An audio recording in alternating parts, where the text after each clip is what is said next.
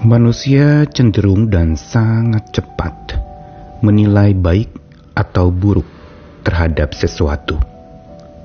Entah itu sebuah keadaan yang dicap baik ketika itu menyenangkan, atau buruk ketika itu menyedihkan, atau mungkin bicara mengenai kehidupan dengan standar yang diterapkan berdasarkan penilaian seseorang maka baik dan buruk itu dikenakan kepada segala sesuatu. Padahal sebagaimana yang pernah saya katakan bahwa baik atau buruknya sesuatu itu adalah hal yang sangat relatif. Tidak ada yang sepenuhnya baik dan tidak ada yang sepenuhnya buruk. Juga tidak ada yang selamanya baik dan yang selamanya buruk, kecuali Tuhan tentunya. Dia Allah Maha Baik yang tidak pernah berubah kebaikannya.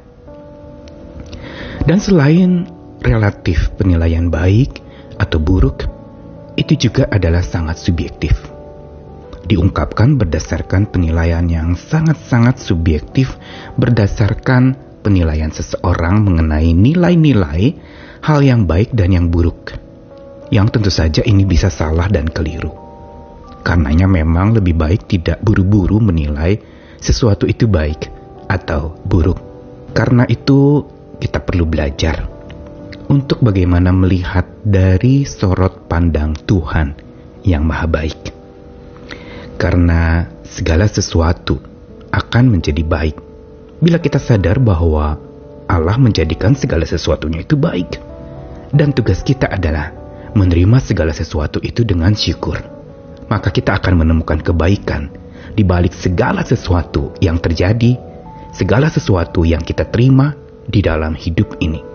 Saya Nikolas Kurniawan menemani di dalam Sabda Tuhan hari ini dari 1 Timotius pasal 4 ayat yang keempat dan yang kelima saya bacakan dari versi Alkitab terjemahan lama.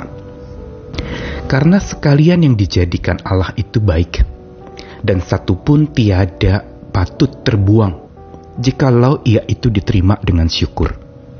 Karena itulah dikuduskan oleh firman Allah dan oleh doa.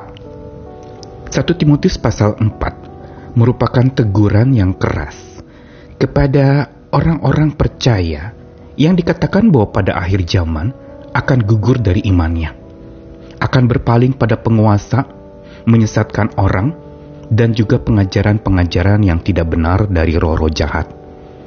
Dan keadaan inilah yang menyebabkan lalu manusia menjadi melarang menikah atau membuat sesuatu makanan yang disahkan sebagai halal atau haram menurut pandangan mereka, bukan menurut Allah.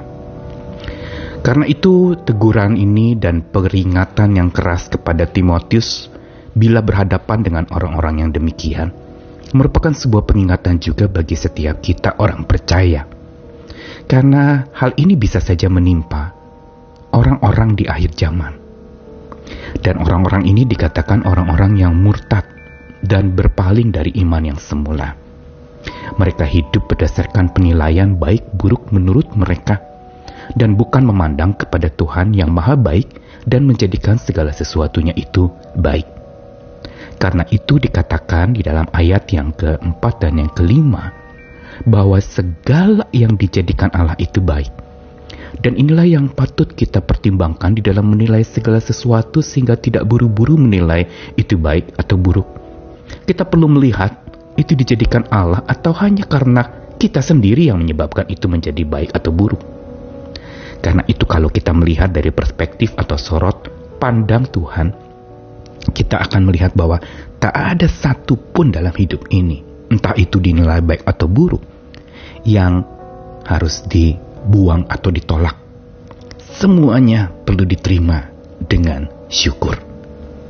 Dan inilah yang perlu kita miliki juga di dalam kehidupan kita, supaya menerima segala sesuatu dengan syukur.